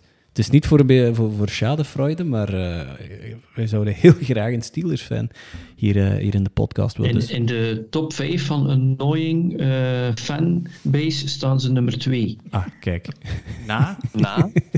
Ik ga het niet zeggen, want ik moet nog met mijn kop op televisie komen. Ah, oké. Smart, we zoeken het wel op. Oké. Ehm, de Raiders en de Cowboys, een, een, een redelijk close game tussen twee ploegen die, wa- waar, dat ik momenteel niet weet van wat ik ervan moet denken eigenlijk. Want Ten Boys hebben de laatste drie van de vier wedstrijden verloren. Eh, en de comeback van Dak Prescott die zou dat eh, moeten tegengehouden hebben, maar het is dus niks van waar eigenlijk. En dan de Raiders, sinds het, eh, sinds het schandaal rond John Gruden is losgebarsten, beetje hot, beetje cold, beetje overal twee teams waar ik echt geen staat op kan maken. Ehm Dirk, welke we- de, de, de boys. Waar, moeten we daarmee naartoe? Ik denk niet dat er al volledige paniek moet, moet zijn over, over de boys. Of schadenfreude misschien. Hm. Eh, die wed, eh, buiten dan die wedstrijd tegen, tegen de Falcons zeker, die hadden ze helemaal niet mogen verliezen. Ehm was het tegen de Falcons? Ik denk het eigenlijk wel. Hmm. Even heel snel kijken. Eh, Tegen de ja, tegen, ja, tegen, Broncos. nee, nee, tegen de Falcons Broncos. 43-3 verloren. Hè. Ehm, ja, ja. En dan tegen de Chiefs verloren en dan tegen de Raiders verloren. Dus eigenlijk drie op rij. Ja. Oh nee, tegen de Falcons gewonnen, sorry. Tegen de Broncos. Ja, Ja, ja. ja, Jan. Moet, moet niet aan jou twijfelen. Nee, ik denk dat we met de Cowboys niet te veel ehm, paniek moeten hebben. Het is een goed team, goede defense. De beste rookie, Michael Parsons, speelt daar. ehm, toch op defense. Een van de beste ja, cornerbacks speelt daar. Dak Prescott is een van de beste eh, quarterbacks. En hij heeft een van de beste receiver cores. Dus komt wel goed, Maar je 7 moet- en 4. Je, moet- je, moet er, ja, je moet er niet mee inzitten, omdat ze gewoon in een tamelijk zwakke divisie spelen. Want ik zie de, de Eagles wel nog eh, hier en daar een wedstrijd winnen. Washington met Heineken, uh, Laurens, de Heineken fanclub.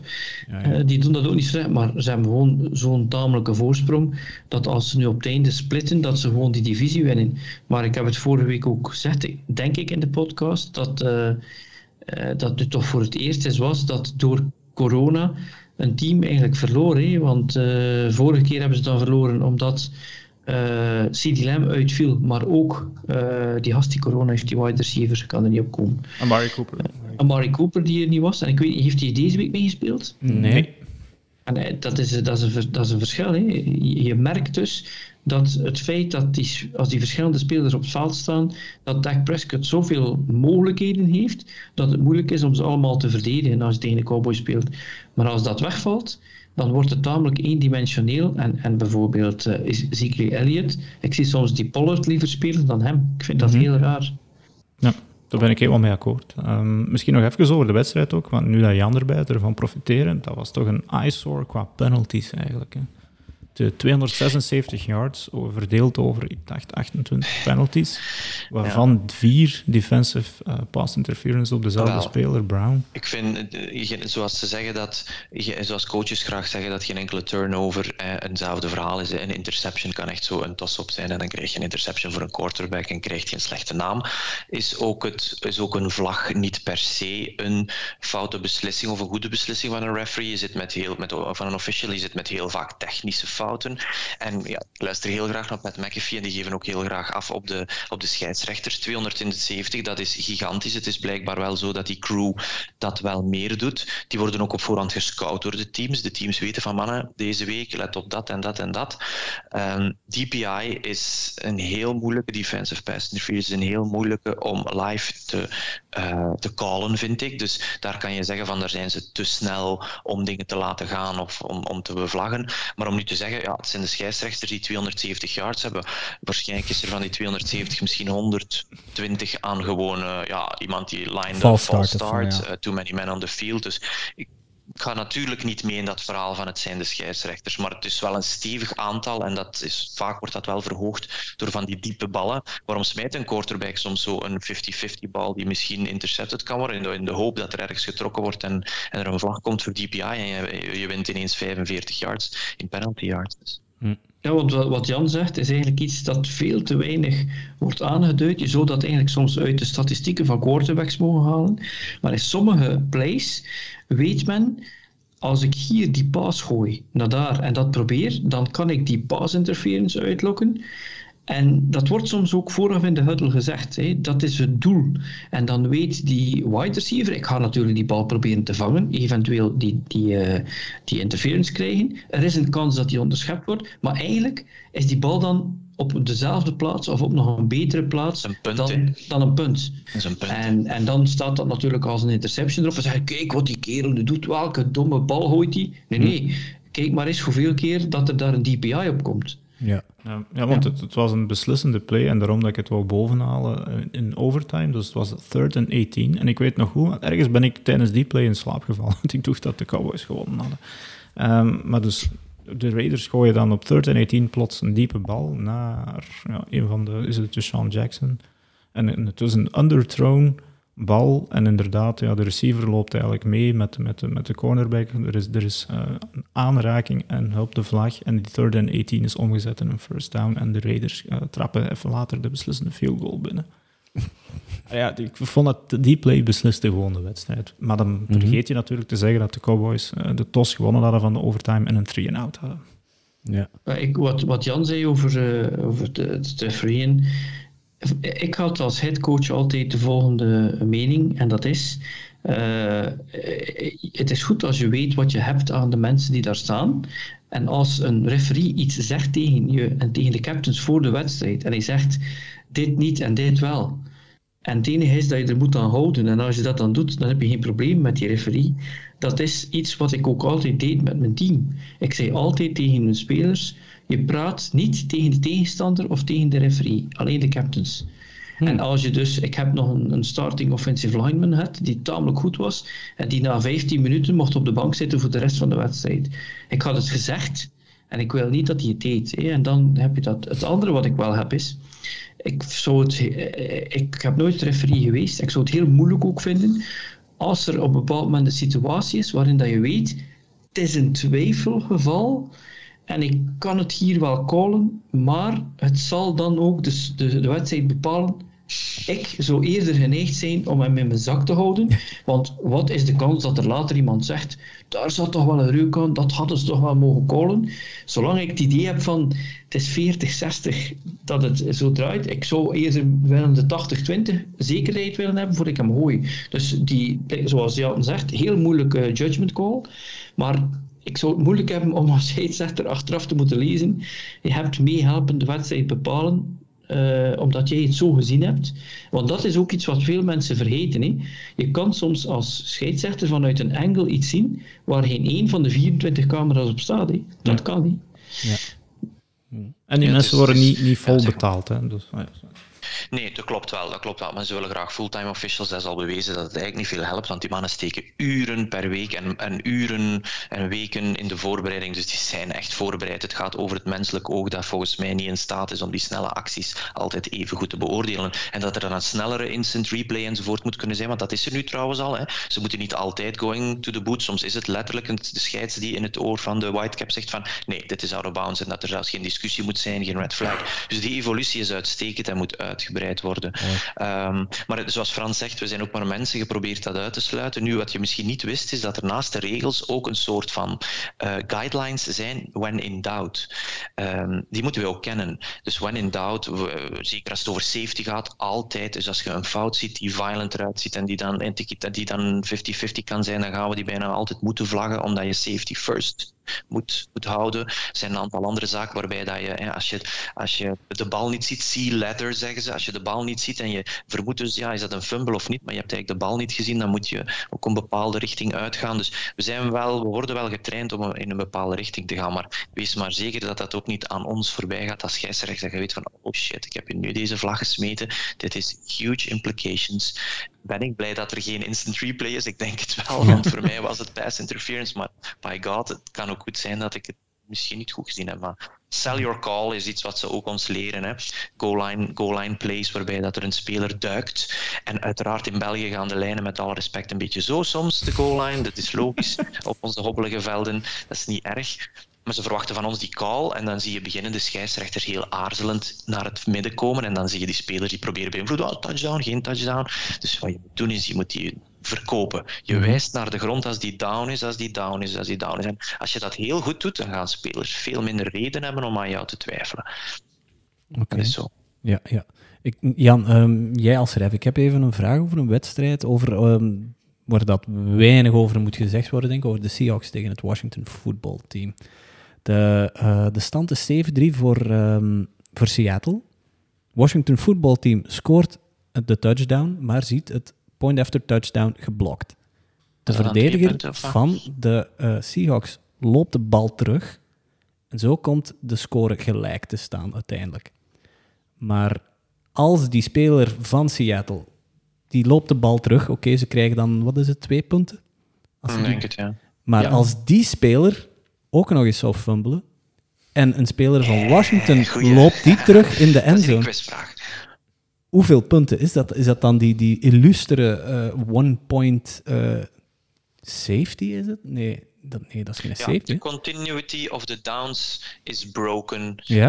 uh, op het moment dat hij begint terug te lopen. Dus uh volgens mij kan dat nooit geen zes punten meer zijn voor eventuele touchdowns en blijf je wel in dat stramien van één of twee punten zitten. Ja.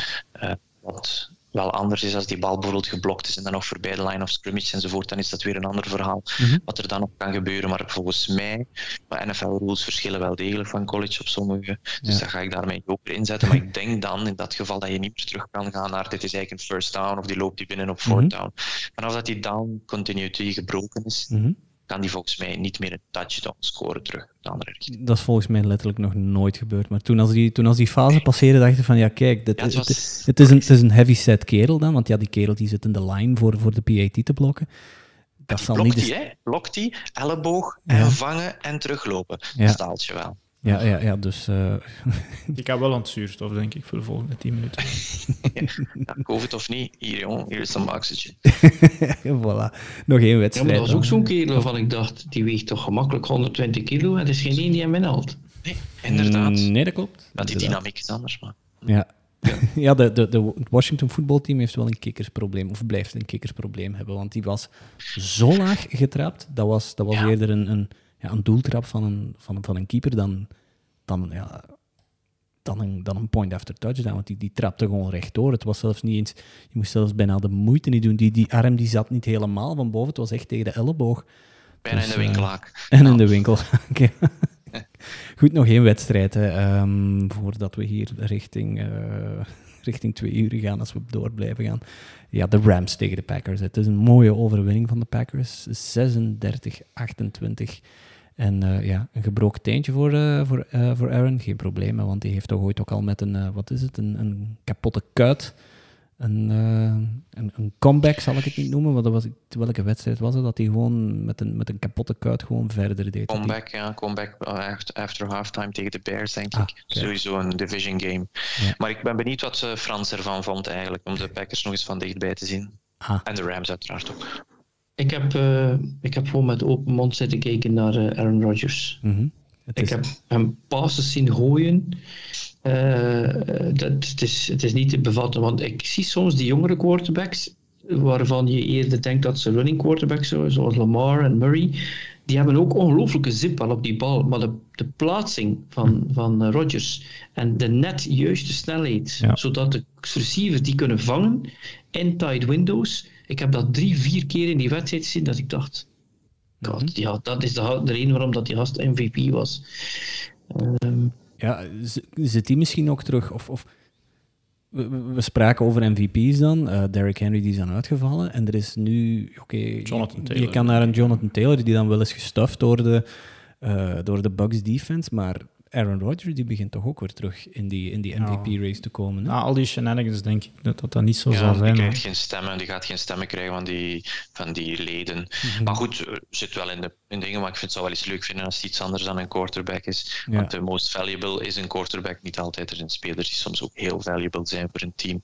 Mm maar zijn niveau is zeker terug. Uh, heel tevreden over zijn wedstrijd. Inspuiting heeft tot fourth, fourth quarter heeft uh, geholpen. Maar, maar, Frans, die teleurstelling over de Rams defense toch wel. Raakte gewoon niet door de O-line van de Packers met drie, drie toppers die er niet bij zijn. Kom, uh, Donald von Miller, teleurstellend vond ik. Ja, maar uh, er zijn twee dingen die spelen. Nee, je merkt duidelijk, de Rams die hebben geen echte running game. En dan is het allemaal op de pas. En dan heb je minder play-action, kun je dat minder gebruiken. Dus dat is al een probleem. Hè. En dan op die defense, ja, je moet je is het volgende voorstellen. Ik heb het ook in de uitzending gezegd. Die Aaron Donald is een topper. Die Von Miller natuurlijk ook. Die Jalen Ramsey is een van de top uh, cornerbacks. Uh, Rodgers heeft daar 7 op 7 gegooid tegen Jalen Ramsey. En, hij heeft, heeft Jalen Ramsey dan nog eens laten missen bij, bij, bij zijn, bij zijn TD-run. Ja, met die bal hem dan. Ja, maar dan, dan, dan zit je in een situatie dat je dus, uh, dat je dus een hele goede offense hebt op, uh, bij de Packers. Je hebt die, die, die two-headed monster op running back. Hè. Beide waren dan ook terug. Je hebt daar ook dan die jonge tight end die plotseling dat goed doet, uh, die jullie gepikt hebben. maar het enige waar ik me een beetje zorgen in maak, en de defense die staat er ook. Hè. Die defense heeft het echt goed gedaan. Hè. Voelt vreemd om te zijn. Maar je ziet, bij de Rams is het volgende. Running team, die is er niet. En die Woods, dat verwondert mij ongelooflijk. Wat een verschil dat maakt. Want die kerel was een soort teamcaptain. Was een hele goede blokker. Uh, die, die, die al het vuil trok die naar zich toe. Dat anderen konden shinen. Uh, maar wat, de vraag die ik voor jullie heb, als Packers fan. Ik heb nu in, de, in een of andere podcast ook gehoord. Of in de wandelgangen. Jullie hebben als uh, punter, is het Behorkis. Ja, dat is jullie punter. Van de, Rams, ja. de holder ook van de Kings. Ja. Die, ja, blijkbaar is die punter wat gebounced van het een naar het andere. En zijn grote probleem zou geweest zijn bij die andere teams dat zij niet tevreden waren over hem als holder. en mijn vraag is dan, is dat eigenlijk de reden waarom Crosby in de laatste weken af, is, af en toe eens minder was? Of heeft dat er niet mee te maken? Ik denk het wel, ja. Het zijn drie mensen die, die moeten synchroon werken, maar ze analyseren dat natuurlijk wel. En ook zelfs de weinige kennis die ik ervan heb, lijkt zeker niet elke hold slecht van Behorkes. Hm. Ja, bedoel, Mason Crosby, love the guy, maar die verdient als kikker het meest van alle kikkers, denk ik. Zelfs andere kikkers die automatic zijn, zoals een Tucker bij, bij, de, bij de Ravens enzovoort. Ja, als die dit jaar zo nog veel steken laat vallen, dan mag je gewoon wel zeggen, kijk, eh, je kost zoveel geld en je kost ons hier zoveel punten. Time to move on misschien hoor, maar ja, dat is wel heel, heel goed dat je dat opmerkt. De, het, is, het zijn drie mensen die een kick moeten vervolledigen. Ze hebben wel twee weken geleden gewoon mid-season de longsnapper vervangen, omdat ze daar al niet, eh, niet tevreden van waren. Ja. Proberen nu Bohorkes toch nog wat op te leiden, maar dat is dan wel weer een zeer goede punter. Die heeft er al booms gedaan uh, tot, tot, tot heel ver 60, soms 70 yards uh, bruto. Dus die gaan ze wel moeten houden. Uh, maar ja, ik, ik, ik, bedoel, ik hou nu elke keer mijn hart vast bij elk extra point. Dat was, dat was nooit het geval bij Mason Crosby. Safe one season misschien, maar dat is echt een topper geweest. Maar ja. als, ik, als, als ik van jullie, hè, want jullie zijn Packers-fans, dan zou ik toch een klein beetje benepen zitten dat ik straks in de playoff kom, of in de Super Bowl eventueel, en dat ik zou kunnen een playoff-wedstrijd of de Super Bowl verliezen, omdat je een field goal mist. En dat je dat eigenlijk al ziet aankomen van het midden van het seizoen. Dat, ah, maar, wat denk ik niet, want de statistieken zeggen dat je er moet gaan op fourth down tegenwoordig. Dus dan gaan we er gewoon altijd voor. Fourth en, eh, fourth en seven, fourth en six. Run AJ Dillon, dat komt goed. Voilà, we hebben geen Mike McCarthy meer. Dus, uh... Weet je als Jair Alexander nog terugkomt? Ja, die verwachten ze nog. Ze verwachten na de bye of minstens half december eigenlijk nog Jair terug, Z. Smith terug, Josh Myers, heel goede center al als rookie, die verwachten ze nog terug, Bakhtiari ieder moment. Dus ja, de, de toekomst is voorlopig positief, ja. Oké, de Packers hebben nu een bye week. Dat is wel leuk. Ja, rusten, teentje rusten. Teentje rusten en dan terug tegen de Bears. Ja, tegen de Bears en daarna dus Nagy eruit. Twee, ja. twee byes, mag ik dat zeggen? Bear fans, shower me with love. En de Rams hebben voorlopig nog eigenlijk heel veel geluk. Ja. In die zin dat de rest van de NFC zo shit is ja. Uh, ze staan buiten San Francisco twee matchen voor op al de anderen. Dus ze, ze mochten die slump even hebben. Maar dan de volgende uh, vijf wedstrijden, ja, je had er toch wel twee of drie moeten van winnen. ja. Drie, zeker. Want ja, ze hebben nu zeven wins en ze moeten volgens mij zeker aan tien komen om, om toch in de playoffs te geraken. Mm -hmm. ja. Was het uh, schedule van de Rams. Ja, sowieso volgens mij nog, nog een keer tegen de... Ja, Arizona nog zeker. Tegen de Cardinals. Even gaan kijken. Tegen de Bears, nee, dat ook niet meer. Niet meer. Nee, ze hebben nu drie op rij verloren. Ja, ze, ze, hebben nu tegen de Jaguars een wedstrijd, uh, nu zondag. Dat zou moeten lukken. Bounce back. Maar dan mm. Cardinals, Seahawks, Vikings, Ravens, 49ers. Ja, ik weet niet. Geen, geen, buiten de Jaguars is er geen makkelijke wedstrijd meer bij. Goh, ja, als je, de Seahawks misschien. Ja, bij de Vikings, uh, als, als, als je ziet dat Kirk Cousins uh, zijn handen onder zijn right guard steekt in plaats van onder zijn center. Die man is er... Uh... het, is, het is in Minnesota. Ik, als de, de Vikings daar underdogs zijn thuis, dan zou ik er geld op durven zetten. Het is, ah, het is inderdaad, ja. Het is in Minnesota, dus ja, oké. Okay. Nou, de Rams zijn nu een trapje onder, het, onder de drie, vind ik, onder de Cowboys, Packers, uh, Arizona.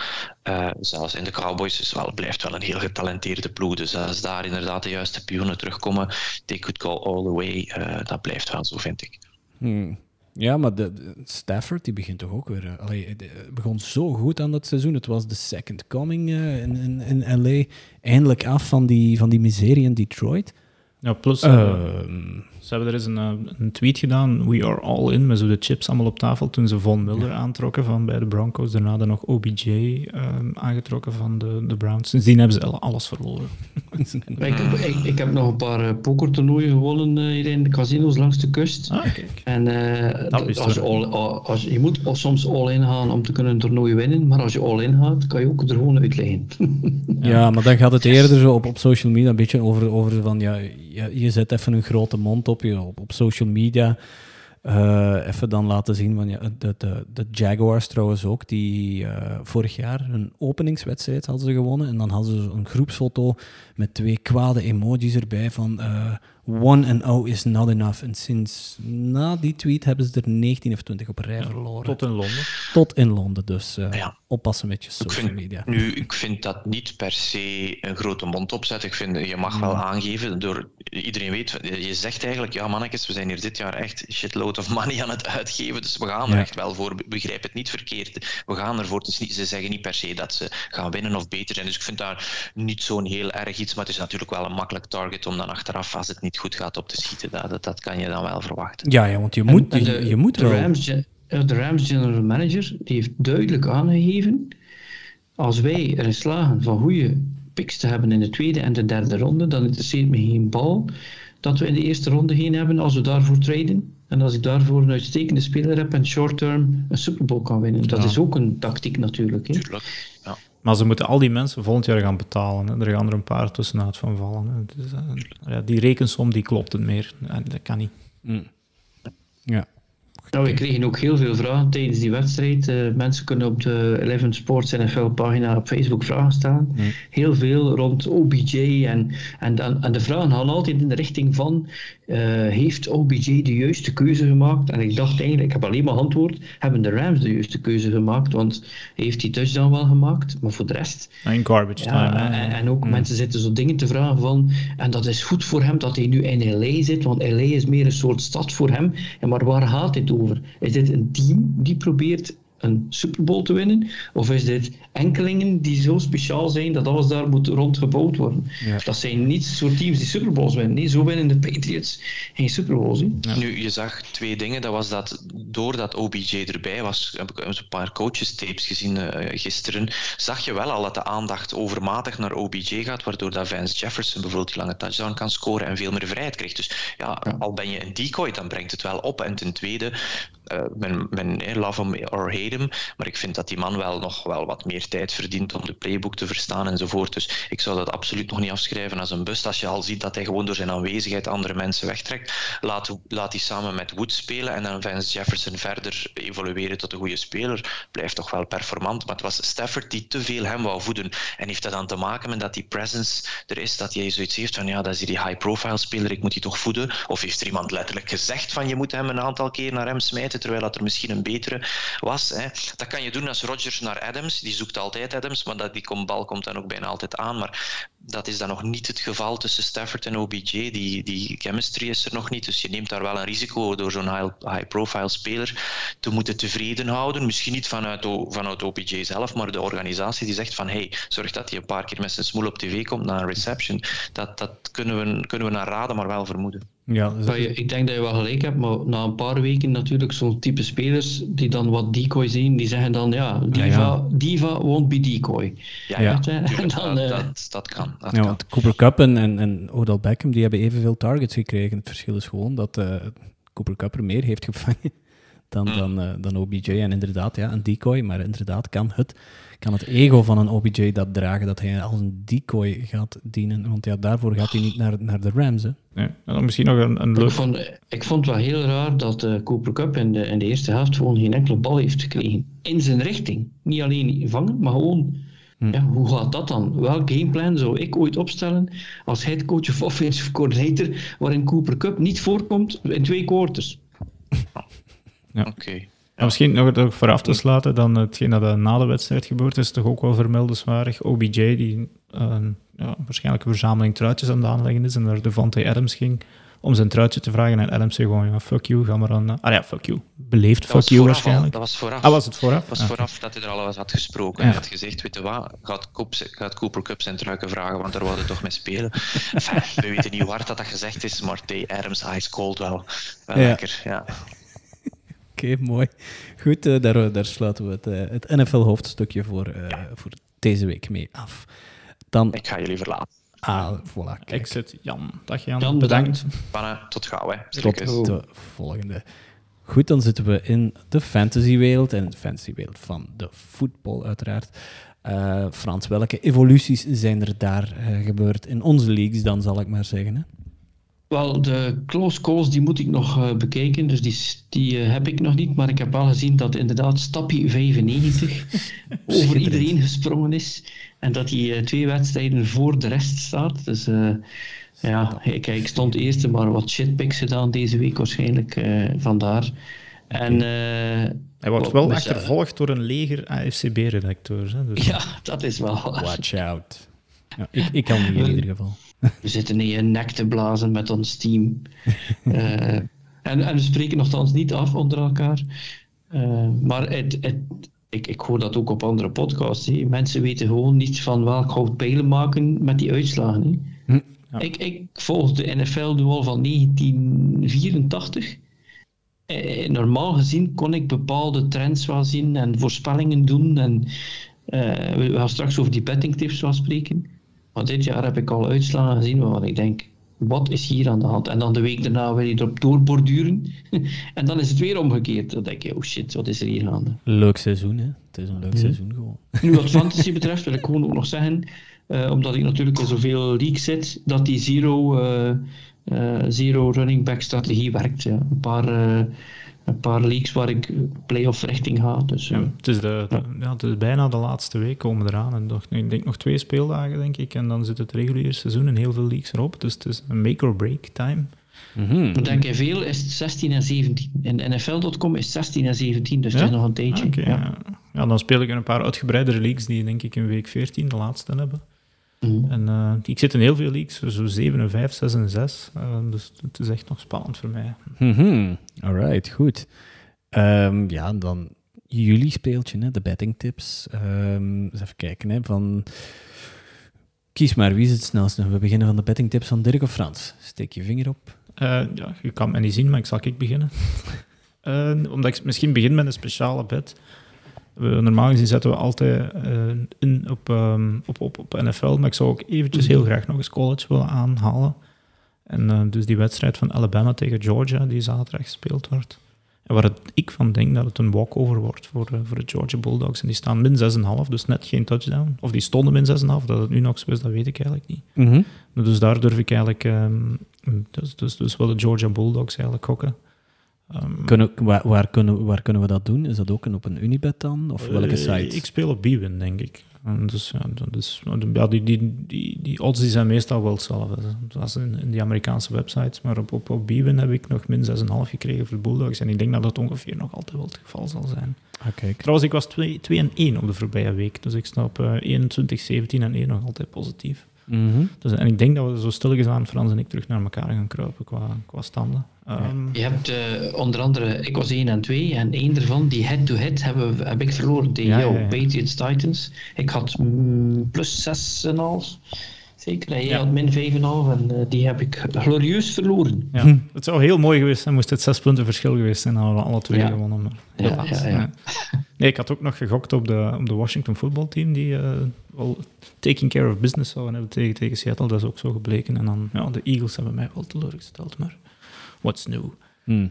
Um, en twee andere picks zijn uh, volgens mij, ik, ga, ik, ik zit al weken op de Patriots en nu zitten ze, dus ik zit ik er eigenlijk weer op, want ze spelen tegen de Buffalo Bills en ze zijn een drie punten underdog.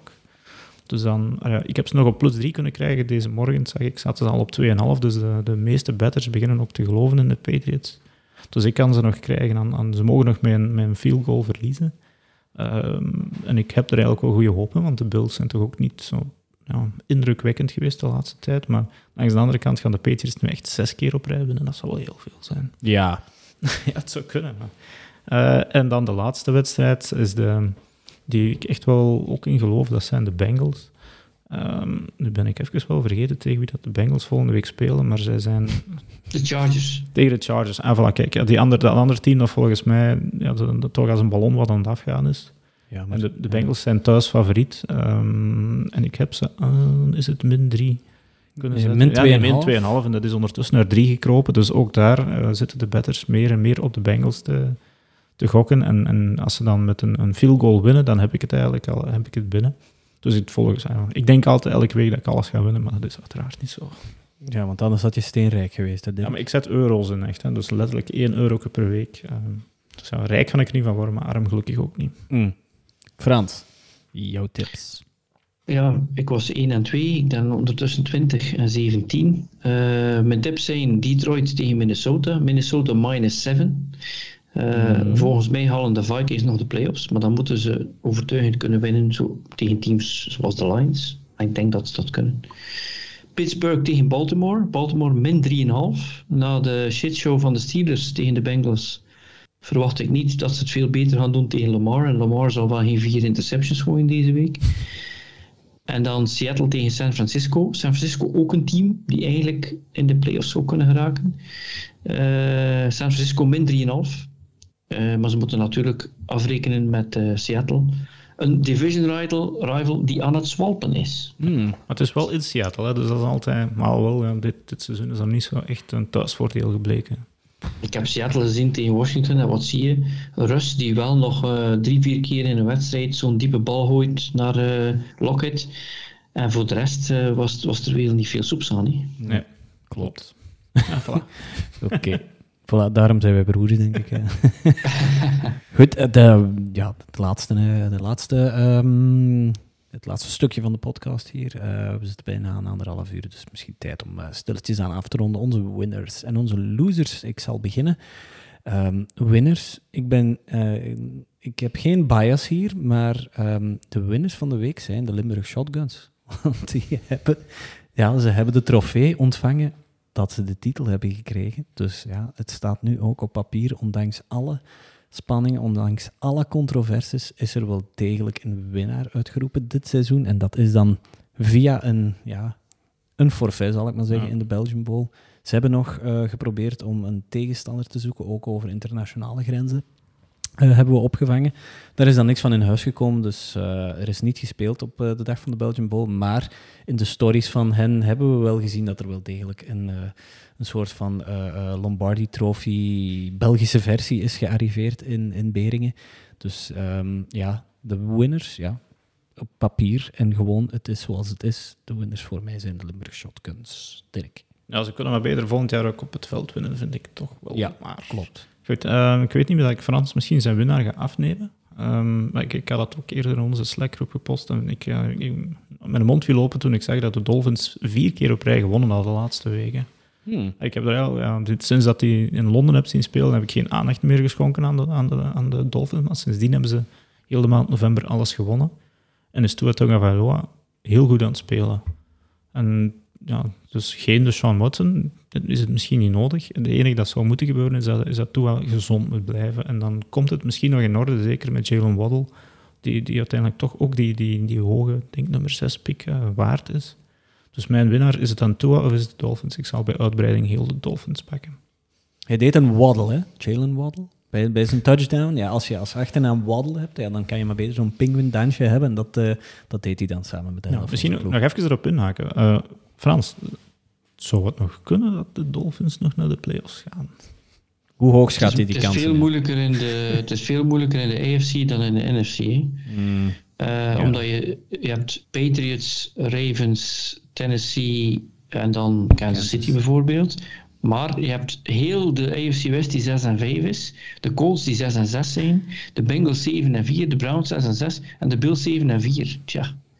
Hm. Dan moet er al een half, uh, uh, meer dan een half mirakel gebeuren. Ja, ja. Ze zijn wel 2 en 2 in de divisie, dus ja. Laten we, ons, laten we ervan uitgaan van niet. Denk ik toch dat, als we het zo zien gebeuren. Um, heb ik uh, jou, jouw winners, Frans? Voor mij, de winnaar... Ja, daar zijn we nog niet geweest. Ja.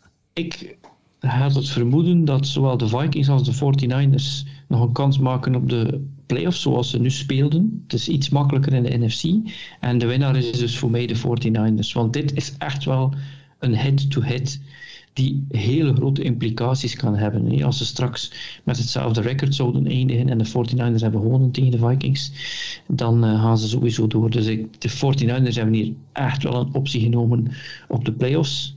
En dan zouden ze eventueel een team er misschien uitgebonjourd hebben, waarvan ik eigenlijk wel een rematch zou kunnen bekijken in de playoffs. Eh, als de 49ers tegen de Vikings zouden spelen, dat was een heel onderhoudende wedstrijd. Ze zijn op koude voeten naar die playoffs aan het, aan het sluipen, hè, die Niners. Want uh, mm-hmm. we hadden ze al, ja, ik ben niet alleen denk ik, dat we ze al hadden afgeschreven voor, uh, voor playoffs, maar toch stilletjes, stilletjes bij beetje, daar zijn ze toch maar weer. Hè.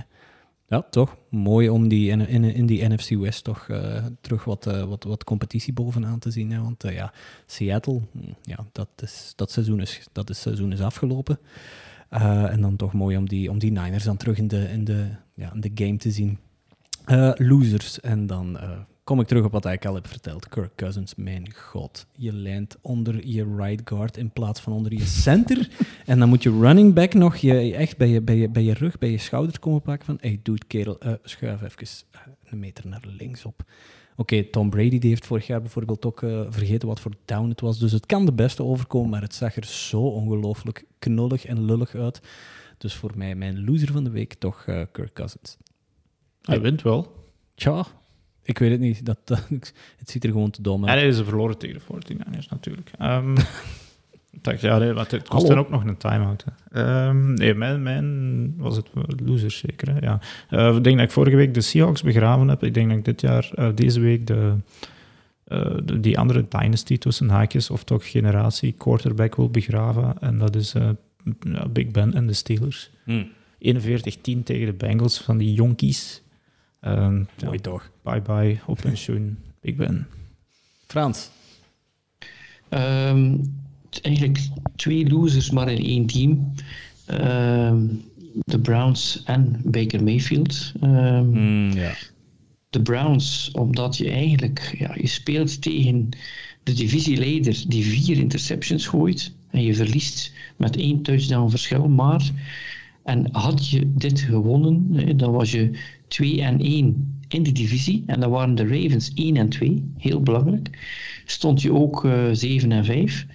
Maar daarnaast, ja, als loser in dat team, dan zie je toch eigenlijk wel voor Baker Mayfield. Je hoort de geruchten dat het echt wel de slechte kant op gaat voor die man. Uh, speelt klaarblijkelijk met verschillende blessures. En toch uh, is hij tough, he's toughing it out, zoals ze zeggen. Mm. Maar er wordt ook gewoon gezegd, Case Keenum is een degelijke backup. En nu ben jij eigenlijk uh, de toekomst van de playoffs aan het hypothekeren door te willen blijven spelen.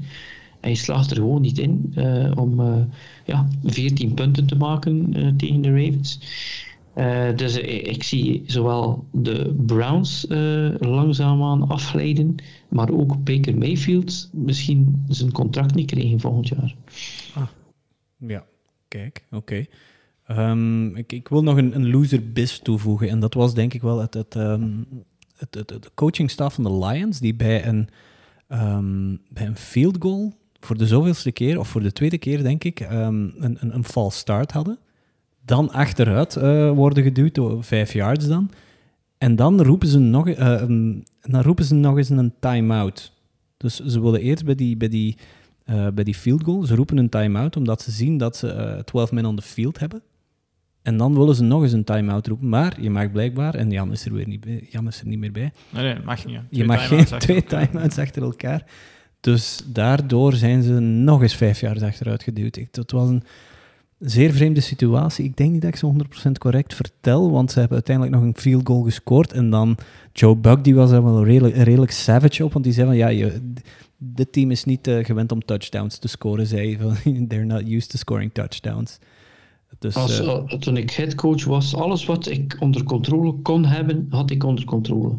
En dit zijn dingen die je onder controle hebt. Dat heb je volledig in eigen beheer. Ja. Dat je dat tegenkomt, dat is eigenlijk ja, dat is belachelijk voor woorden, ik zal het zo zeggen. Ja, want de, de, de announcer, Joe Buck, en wie is dat daar die daarbij zit? Die, die, die, die, die, namen, die namen echt de woorden, oh my god, van what's happening here. Die, heel die match door, um, ja, die hebben het ook moeten uitzetten zoals jij, Frans. Dus die, die uh, hebben af en toe wel eens een, een diepe zucht geslaagd, diepe zucht geslaakt, zal ik maar zeggen tijdens hun, uh, tijdens hun een, een, een, stukje kalkoen op Thanksgiving.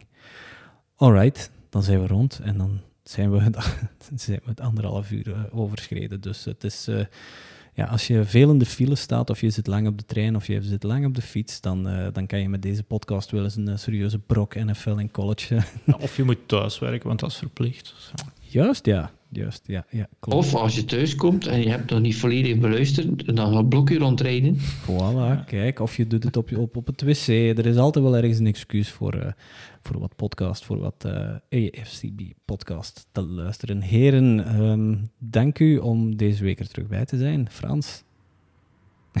Frans waddelt in, uh, in de Skype. Dus als je op YouTube aan het kijken bent, uh, je hebt net uh, de, de waddle van Frans gezien. Frans, misschien tot volgende week. Ja, misschien wel. Ah, voilà, kijk. Dirk, en ja, onverwachts toch nog aan mijn doorbel komen trekken hier, want ik was al volledig gezet in mijn bureau. En plots ging daar de bel. Dus hebben we hier voor good all times sake nog eens... Ja. En volgende week wil ik er waarschijnlijk bij zijn, want dan kan ik over Championship Week, Championship Week in college praten. En dat is eigenlijk het laatste noemenswaardige feit voordat we naar nieuwjaar, nieuwjaar gaan, wanneer dat, uh, voilà. de playoffs gaan beginnen. Dus. Kijk, en de galm die je misschien hier hoorde van, van Dirk en ik, is omdat ik, uh, dat we nu in een in mijn living, ja, mijn woonkamer zitten, waar praktisch niks meer staat van meubilair. Dus uh, het is zeer, zeer, vreemd om hier een beetje een galm te hebben. Maar hopelijk hebben jullie genoten van deze 72e aflevering. En bezoek onze, uh, ja, onze socials hè, op, op Instagram, op Facebook en afcbelgium.com. Zeker niet vergeten. En in ieder geval, wat mij betreft, tot volgende week.